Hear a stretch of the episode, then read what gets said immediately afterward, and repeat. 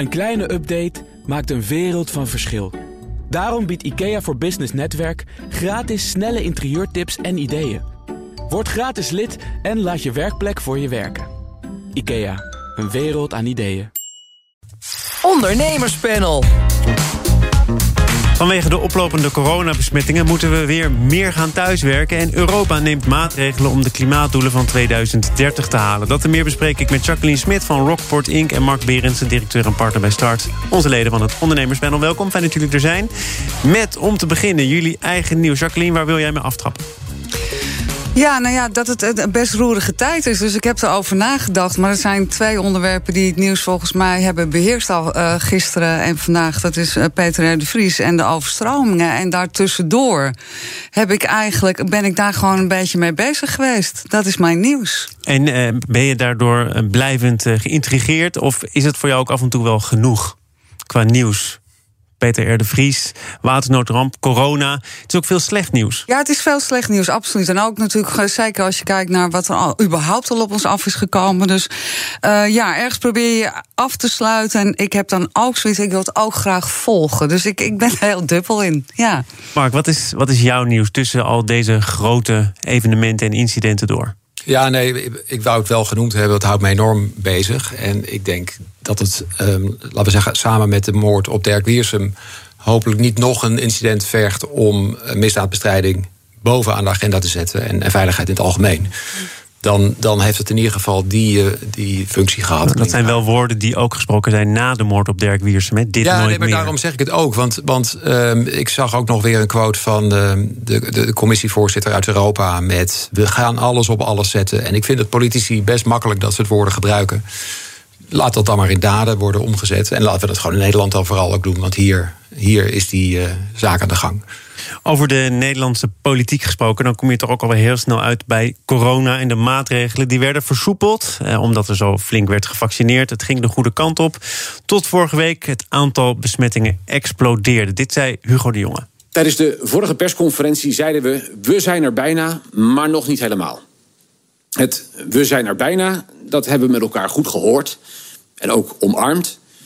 Maar dat tweede stukje, het maar nog niet helemaal, dat blijkt nu helaas uit de cijfers. Dat blijkt nu helaas uit de cijfers. We zitten hier in het ondernemerspanel.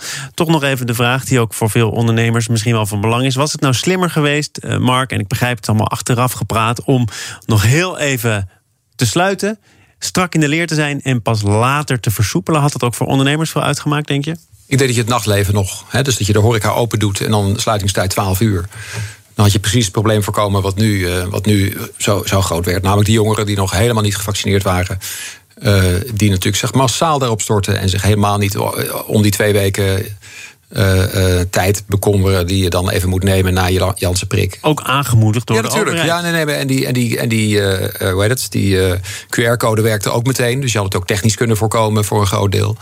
Dat, dat had, je, had je kunnen doen. Ja. Ja. Over, over testen met toegang, dat was natuurlijk van belang, ook voor heel veel ondernemers. Daarover zegt de SP nu, dat is een gesubsidieerde superspread. Het kabinet heeft geen inschattingsfouten gemaakt, maar kardinale blunders. Jacqueline, hoe mild of hoe streng ben jij? Nou, ik, ik stoor me ook een beetje aan eh, de zin net. Van uh, dat we het tweede deel niet helemaal begrepen hebben. Nog niet helemaal. Want ik heb het idee dat dat dan door de overheid niet helemaal begrepen is. Um, ik weet dat ook toegang, uh, of testen voor toegang niet goed was geregeld. Mensen hebben daar uren in de rij gestaan om daar binnen te komen. En toen ze eruit kwamen en wel getest waren, kregen ze geen antwoord. Hè, dus kregen ze de code niet. Ja, ik heb dan toch het idee dat het in de infrastructuur en de manier waarop het geregeld is niet goed is geregeld. En dat kun je niet bij de horeca neerleggen. Dus ik, ik, ja, ik stoor me nou ook wel aan. Dus Jij ik ben denk eh, ik streng. Ja, nou, dat is misschien ook wel te verklaren vanuit eh, wie je bent en ook je achtergrond. Je hebt bij 538 gewerkt. Ja.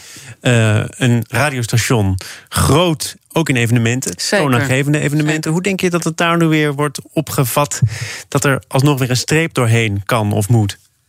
Ja, dat, dat is natuurlijk ongelooflijk triest. Hè? Ik weet hoe lang je bezig bent met het opbouwen. Sowieso het voorbereiden van dit soort dingen. Maar ook het opbouwen. Je bent drie, vier dagen aan het opbouwen. Alles is al besteld en betaald en is al in gang gezet.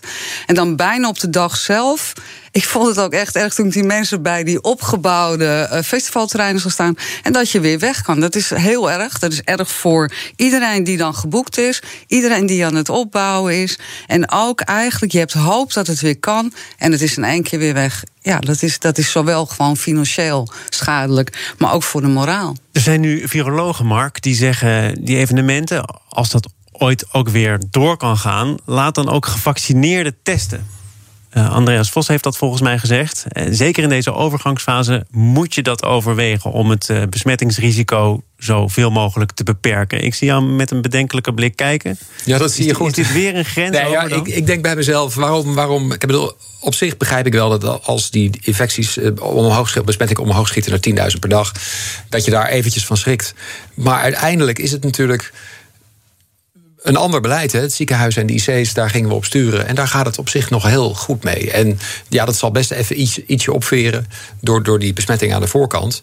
Dus waar komt de grote paniek die dan nu, vind ik, een beetje, beetje ja, al te hoog doorslaat? Je vindt het te drastisch, ook de nou maatregelen? ja, ik vind sowieso dat, dat, uh, dat, dat, dat Rutte en de jongen hier als een soort windvaan bezig zijn. Dat ze de boel helemaal loslaten en net iets te ver doorschieten is een beetje bravoer geweest, misschien ook wel, het meeste van Europa.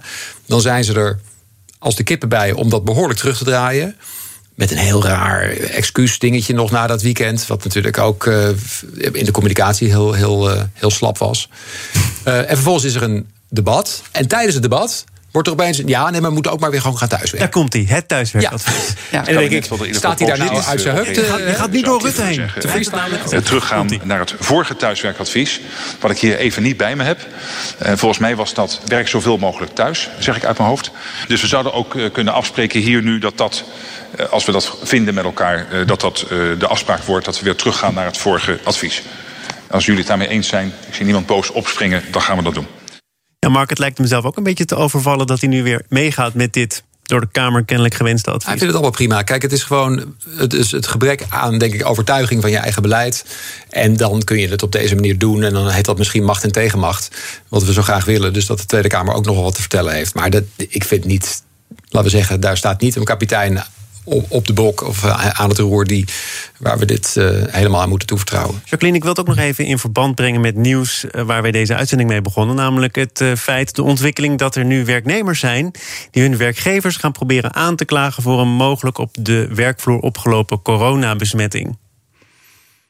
Ja, ik, ja, ik heb inmiddels al drie keer gezucht volgens mij. Maar ik, ja, ik, even terug nog hè, naar Rutte en die jongen toch even. Ik denk dat het is niet makkelijk om dat te doen. En ik denk ook daarin dat de beste stuurlui ook wel aan wal staan. En vorige zomer waren ze te langzaam.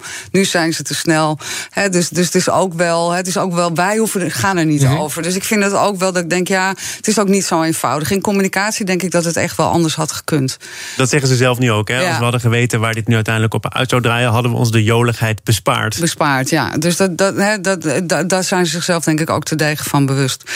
Um, over de werkvloer, ja, ik denk dat het. Um, het weer op de werkvloer zijn heeft gewoon een aantal lagen. A, mensen zijn bang dat ze besmet zijn. B, sommige mensen werken thuis echt niet prettig, hè, omdat er kleine kinderen zijn, omdat het heel druk is.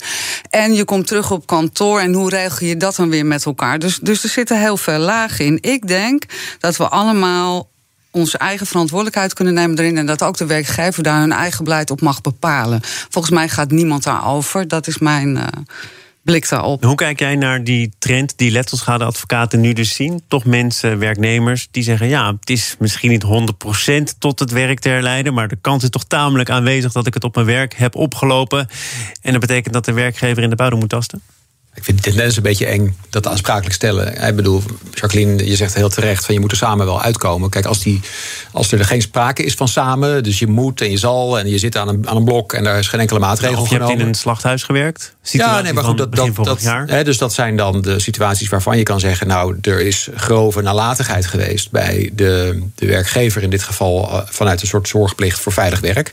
Maar ik denk dat die wetten al gelden. Dat, dat is niet, daar is corona niet specifiek in. Dus daar mag je denk ik al wel uh, ook juridisch iets in doen. Ook dat is verantwoordelijkheid. Ja, In dat Ja, geval van die al, eh, werkgever. Wettelijk ook. Ja. Laten we naar andere wetten die eh, op de midden- of de lange termijn toch zeker gaan werken. Namelijk het grote Europese pakket van Frans Timmermans. Het inrichten van je eigen zaak is best wel wat werk. Daarom biedt IKEA voor Business Netwerk 50% korting op interieuradvies. Word gratis lid en laat je werkplek voor je werken. IKEA, een wereld aan ideeën.